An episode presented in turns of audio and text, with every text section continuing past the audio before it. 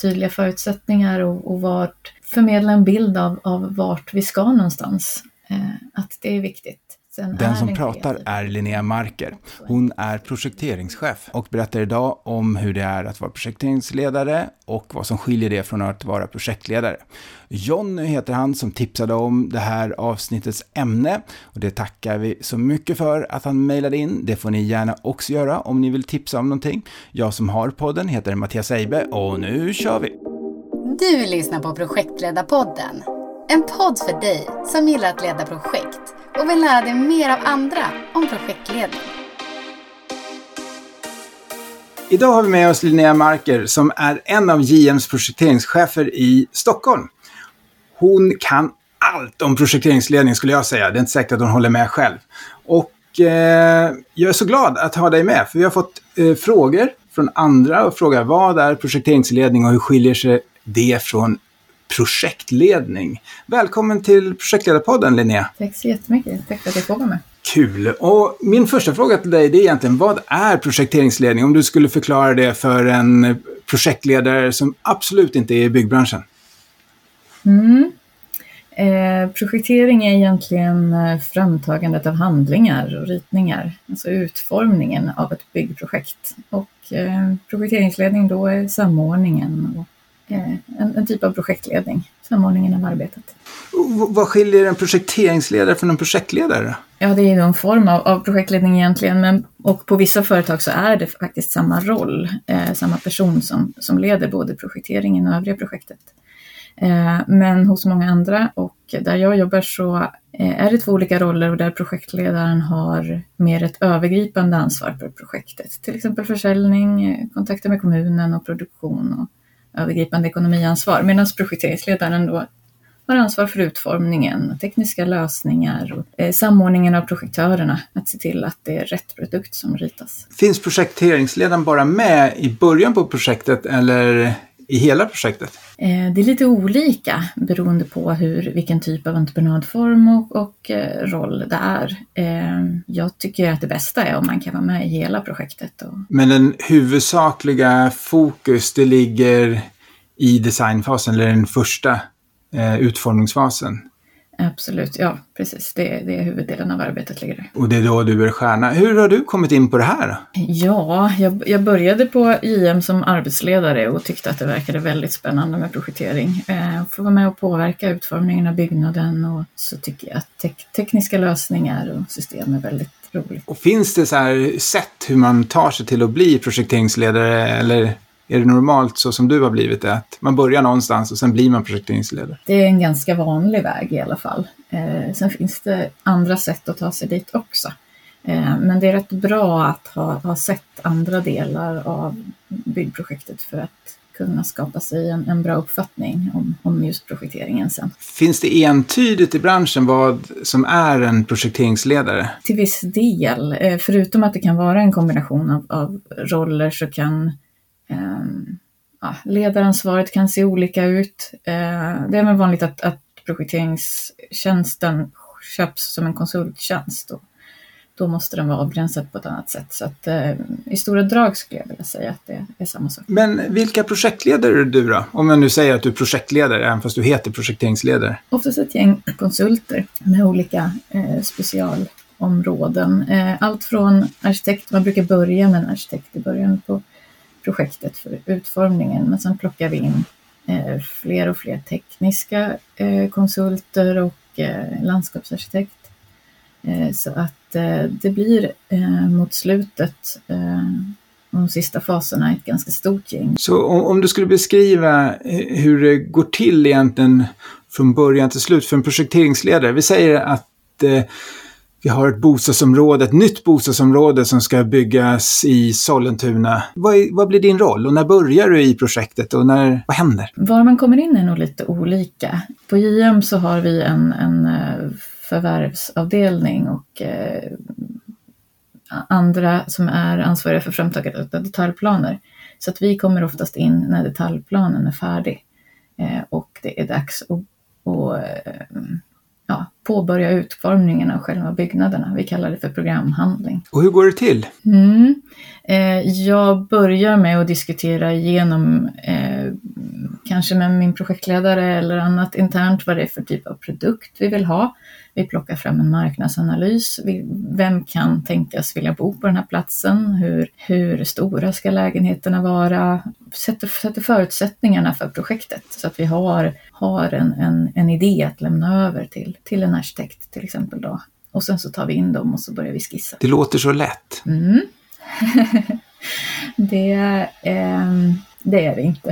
Eh, det, det är ju mycket som, eh, som är osäkert i det. Det är mycket, ehm, man får tänka om många gånger i början eh, för att hitta rätt.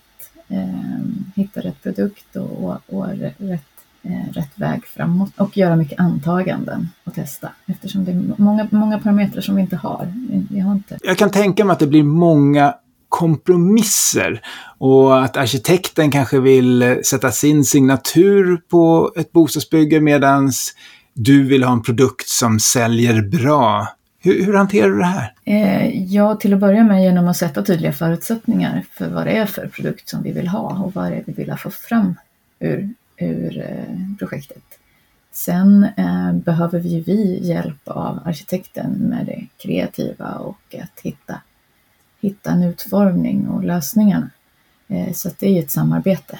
Eh, men tydliga förutsättningar skulle jag säga.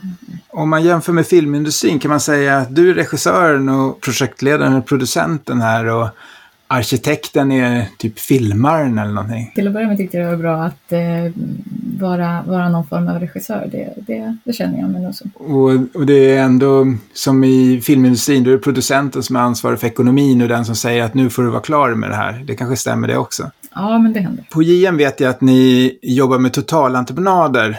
Hur fungerar det rent projekteringsmässigt? Eh, ja, det innebär att vi är med i hela kedjan. Eh, vi har ansvar från allt från utformning till utförande. Och eh, projekteringsledaren följer med i alla de skedena och stöttar. Eh, I generalentreprenaden så eh, ingår utformningen i beställarens ansvar och, entreprenören har inget utformningsansvar utan ska köpas på färdiga handlingar. Och då krävs det att det finns en en annan tydlighet i det och ansvaret ligger annorlunda. Innebär det här att i en totalentreprenad att projekteringsledaren, ni kanske inte alltid har färdiga handlingar när ni påbörjar byggnationen? Eh, jo, det skulle jag vilja säga att vi har. vi ska i alla fall ha det. Eh, jo, men, men det, eh, och just på JM så, så, så, har vi satt det som krav. Vi får inte påbörja produktionen förrän eh, alla handlingar och lösningar är på plats. Jag förstår att den här rollen har förändrats de senaste 20 åren, bland annat på grund av digitaliseringen. Hur ser du att rollen har förändrats? Ja, nu har inte jag varit med riktigt 20 åren, men eh, min uppfattning är väl att det har gått från att vara en, en person som suttit på väldigt mycket teknisk kunskap själv och eh, blivit mer av en samordnarroll och ställt Eh, större krav på ledarskap kanske istället. Och förut var pappersritningar väldigt centrala och, och, till viss del är de ju det fortfarande, men, men vi tar mer och mer hjälp av 3D-modeller och är både i granskning och i utformningsskedet och, och även i produktionsskedet. Men det du säger är att ni fortfarande använder pappersritningar och granskar även dem ibland? Ja, vi, vi, hos mig så granskar vi inte så mycket på, på pappersritningar längre utan vi, pdf använder vi en del och granskar på men vi kompletterar det hela tiden med, med att titta i modellen, i 3D-modellen. Det finns ju någonting som heter BIM och du pratar om 3D-modeller och liknande. Vad är det här för någonting? Mm, det, det är att eh, genom en datormodell samla och eh, visualisera informationen Eh, i projektet jag tror att det står för byggnadsinformationsmodellering. Och till exempel så kan vi granska, vi kan titta på olika installationer, ventilation, avlopp och el i en 3D-modell och se att de inte krockar med varandra. Man kan lägga information som kan användas vid mängding och kalkylering. Ja, det finns egentligen oändligt med möjligheter framåt tror jag. Eh, eh, vi har kommit en liten bit i alla fall. För 25 år sedan när jag jobbade på IM faktiskt, då pratar man om det här. Eh, jag hoppas man har kommit längre. Används det här eller är det bara någonting man pratar om fortfarande? Jo, men idag används det. Eh, jag håller med om att det har pratats om det väldigt många år och det har tagit tid innan vi har har kommit igång med det och hittat, hittat bra verktyg för att faktiskt använda det. Men, men nu tycker jag att vi är där och vi är på väg att få ut det även i, i produktionsfasen. Så att eh, just nu så händer det faktiskt väldigt mycket. Hur förändras då din roll? Min fördom är att det är en 55 till 60-årig lätt korpulent man som sitter och är jättetekniskt kunnig och kanske inte är den som är IT-mässigt kunnig. Vad, vad händer här? Vad förändras? Mm, då skulle jag nog vilja säga att dina fördomar inte riktigt stämmer idag. Bra. Det, det, det, blir en allt större del, eh, just eh, IT-kompetensen. Eh, det blir det. Men vi har även BIM-ledare till hjälp för att sätta ihop modellerna och, och lära oss det här. Så att vi, vi, vi tar ett steg i taget. Men, men det blir absolut mer, mer och mer IT-baserat. Det låter samtidigt som det blir mer och mer. Du har nämnt här att det är mer ledarskap idag, det är mer IT-mässigt. Hur klarar du av det? Ja, men samtidigt som, som rollen växer på, på en del håll så, så är de här verktygen och 3D-modellerna till stor hjälp för oss. Så att vi, vi hittar stöd i det. Och vi, vi kanske inte behöver vara eh, de här som kan alla detaljer och alla system och mått i huvudet, utan vi, vi eh, förlitar oss mer på att, att våra konsulter och, och projektörer faktiskt sitter på den detaljkunskapen eh, och vi står för, för samordningen. Som du beskriver så blir ju ledarskapet allt viktigt, det du kallar samordningen. Hur går den här samordningen till? Ja, samordningen av projektörerna eh, sker oftast eh, genom eh, projekteringsmöten där vi kanske sitter hela gruppen eller stora delar av gruppen tillsammans. Eh, idag blir det mer och mer på Teams. Eh, vi köper projektörer från olika delar av landet och Eh, det krävs kanske inte att man sitter i samma rum längre. Eh, dessutom så har vi mycket, mycket arbetsmöten. Vi har möten med leverantörer som ska in i projektet som vi anpassar till. Det är också en typ av, av eh, ledarskap gentemot olika delar i, i, i vår organisation. Att, att förklara ehm, eh, och beskriva hur, hur tankarna har gått eh, under utformningsfasen och, och förmedla det på ett bra sätt till kanske en produktionsorganisation eller en försäljningsorganisation. Så det skulle jag också säga är en typ av ledarskap. Vem är det då som löser tekniska klurigheter och, och får beslut att bli kompromisser? För jag kan tänka mig att de här, alla de här olika personerna, de kanske har lite olika tankar om vad som ska prioriteras. Jo, men så är det. Eh, och det är ju projekteringsledarens ansvar i slutändan att, att eh, styra åt rätt håll. Men det är ofta ganska rutinerade grupper eh, som vi jobbar med och eh, det går rätt bra att resonera sig fram till vilk, vilken lösning man tycker är bäst. Men, men, men till slut så är det ju projekteringsledaren som måste ta beslut. Det låter som det blir väldigt mycket möten. Hur, hur får du effektivitet i det här? Mm, det är mycket möten. Och det, det, eh, det gäller att, att, hitta, hitta sitt sätt att ha möten på och eh, dokumentera och, och driva det framåt. Idag så jobbar vi mycket med något som vi kallar för visuell planering för att eh, se att rätt besked kommer i rätt tid och att vi driver projektet framåt en rätt plan. Men det, det är mycket planering. Beskriv det här, visuell planering. Ja, det innebär egentligen att eh, hela gruppen får eh, vara med och, och sätta en, en, plan för när de behöver vilka besked så att vi kan se att, att projektet går framåt och att, att alla får sina besked och sina beslut för att kunna fortsätta jobba. Om någon inte levererar enligt det ni faktiskt har kommit överens om, hur gör ni då? Ja, till att börja med så tar vi ett telefonsamtal och eh, kollar om det är någonting som har trillat mellan stolarna eller tappats bort, påminner. Eller, eller hör efter hur, om det är någonting annat som, som saknas för att den personen ska kunna leverera. Så det blir, eh, det blir en del timmar i telefon och, och försöka ja, samordna. Hur vet man då att man har tillräcklig nivå på underlaget? När är man klar? Ja, dels så är det ju en, en en fråga om erfarenhet. Men eh, på JM där jag jobbar så har vi, har vi gått eh, ganska långt i vår eh, standardisering av projekteringsprocessen och eh, där innebär det också att vi har, vi har eh, satt en nivå som vi förväntar oss på, på respektive handling. Eh, vi, vi, lämnar ju underlag flera gånger under projekteringsprocessen där vi sätter olika olika delar av byggnaden och då har vi varit rätt tydliga mot, mot våra projektörer med, med vad vi förväntar oss på respektive delhandling. Har ni förutbestämda granskningstillfällen? Ja, det har vi. Eh, vi har olika, olika roller i företaget som granskar i olika skeden eh, för att plocka upp alla bitar förhoppningsvis. Eh, så att I vissa skeden så granskar vi eh, ur kundens perspektiv och i andra kanske vi granskar och fokuserar på installationer och, och de systemen. Tycker du att projekteringsledaren ska vara med under produktionen? Ja, det tycker jag absolut. Eh, jag tycker att det är en jätteviktig del att kunna vara med och följa upp där och delaktig. Svara på frågor och förklara varför man har valt en viss lösning eller utformning. Inte minst för att lära sig själv och utvecklas som projekteringsledare och se att det faktiskt är byggbart det man har ritat. Hur undviker man då som projekteringsledare att det inte blir den som alla skyller på? Så snabbt det är ett problem på bygget så går de till dig istället för till kanske arbetsledaren eller projektledaren. Mm, nej, men det får man ju vara noga med att, att, att det är en arbetsledare som ska eh, svara på frågorna i första hand. Men annars så, ja, att, att vara närvarande och vara tydlig med vad ansvarsområdet är. Sen tror jag också, i, för att inte bli den man skyller på, så, så är det viktigt att man, man eh, kan förklara sina val och, och, och vara noga med bakgrunden. Ett fel kanske inte egentligen är ett fel utan ett medvetet val. Och fel blir det på handlingar. Ingen handling är riktigt hundraprocentig. Då, då kanske vi har lagt för mycket tid i, i projekteringen. Men att, att vara en person som man kan resonera med och hitta bästa lösningen tillsammans tror jag är viktigt och gör att man blir en grupp som, som jobbar mot gemensamma mål. Behöver man vara ingenjör för att vara projekteringsledare? Det är en bra bakgrund, men absolut inget måste. Det finns de som tar andra vägar också.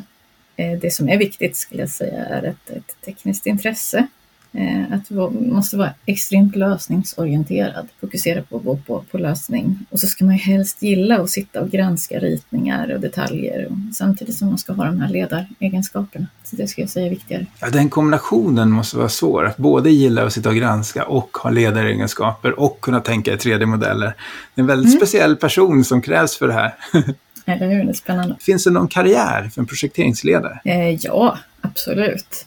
Eh, dels så kan man utvecklas inom projektering. Man kan ta större och mer komplicerade projekt och ett, ett bredare ansvar. Det vanligaste på JM eh, kanske är att, att gå vidare och, och bli ja, projektledare eh, och ansvar för hela projektet. Jag har fått förtroende att bli chef för projekteringsledare och sen så finns det ja, andra mer tekniska roller om det är det man brinner för, att utveckla produkterna. Värdesätts en projekteringsledare då? Jag skulle väl önska att, att Eh, projekteringsledare värdesattes mer såklart, eh, ur mitt perspektiv. Eh, men på JM så har vi i alla fall identifierat projekteringsledarrollen som en väldigt kritisk roll och det innebär att vi försöker lyfta den och jag tycker att vi är på rätt väg. Hur skapar man det effektivaste sättet att projektera? Jag skulle vilja säga att man måste ta rätt beslut vid rätt tidpunkt, se till så att alla har det underlag som de behöver och ja, men vara väldigt noga med vilka förutsättningar man har. Det som tar lång tid och som ofta gör att vi behöver förlänga tiderna, det är att vi inte har varit tillräckligt tydliga med vilken produkt och vilken lösning vi vill ha så att eh,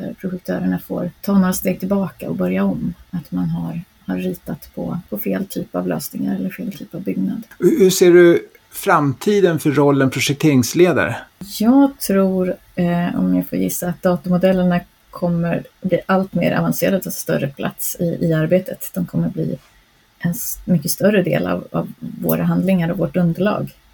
Eh, vi kanske så småningom blir av helt med pappersritningarna, det vet jag inte, men, men i alla fall till större del. Eh, men jag tror att de här 3D-modellerna som gör att vi kan se byggnaden på ett sätt och hitta brister och höja vår nivå på underlaget. Eh, sen tror jag även att, att eh, hållbart byggande och återbruk av material kommer bli allt viktigare framöver. Någonting som vi behöver bli bättre på. Hur tror du att den framtida rollen förändras av att all den här avancerade ITn kommer? Kommer det inte behövas en projekteringsledare då, eller? Jo, det tror jag absolut. Eh, jag tror att, att rollen i mycket kommer vara densamma, även om underlaget då blir lite annorlunda. Jag tror att det fortsatt kommer vara, krävas mycket fokus på, på ledarskap och samordning. Kanske ännu mer när informationen växer. Några tips och tricks som du har gällande hur man får människor att arbeta tillsammans effektivt? För det känns som det är det du det är ditt jobb? Eh, jag tycker att har man ett stort eget engagemang och brinner för det man gör så är det mycket lättare att dra med sig andra och, och, och få andra också tycka att det är spännande och, och kul att jobba ihop och, och, och engagera sig. Har ni kickoffer? Nej, inte, det, det, skulle nog vara fel att säga kick-off. Vi, vi har startmöte, vi brukar eh, försöka samla alla i början av, av projektet eller i varje skede för att lära känna varandra och kanske i alla fall eh, käka en lunch ihop eller så. Det är nog rätt vanligt. Du leder ju väldigt mycket konsulter. Skiljer sig det mycket från att skilja egna anställda? Ja, jag skulle säga att det är en ganska stor skillnad. Både gott och ont. Det kan ju vara lättare på ett sätt att, att um, leda en konsult som du kan, uh, du kan välja vem du vill uh, köpa för projektet. Men samtidigt så uh, man sitter inte på samma ställe, har inte samma dagliga kontakt kanske. Att det är stor skillnad mellan konsulter och medarbetare skulle jag säga. I, I din fas så är det väldigt mycket kreativt arbete och konsulterna jobbar oftast med ja, på timme. Hur hanterar man det? Hur vet man att det här var värt så många timmar? Det vet man oftast inte. Det är en balansgång och ja, men som jag var inne på tidigare, det här med tydliga förutsättningar och, och vart, förmedla en bild av, av vart vi ska någonstans. Eh, att det är viktigt. Sen är den kreativa biten också en jättestor och viktig del. Speciellt hos, eh, hos de mer utformande projektörerna.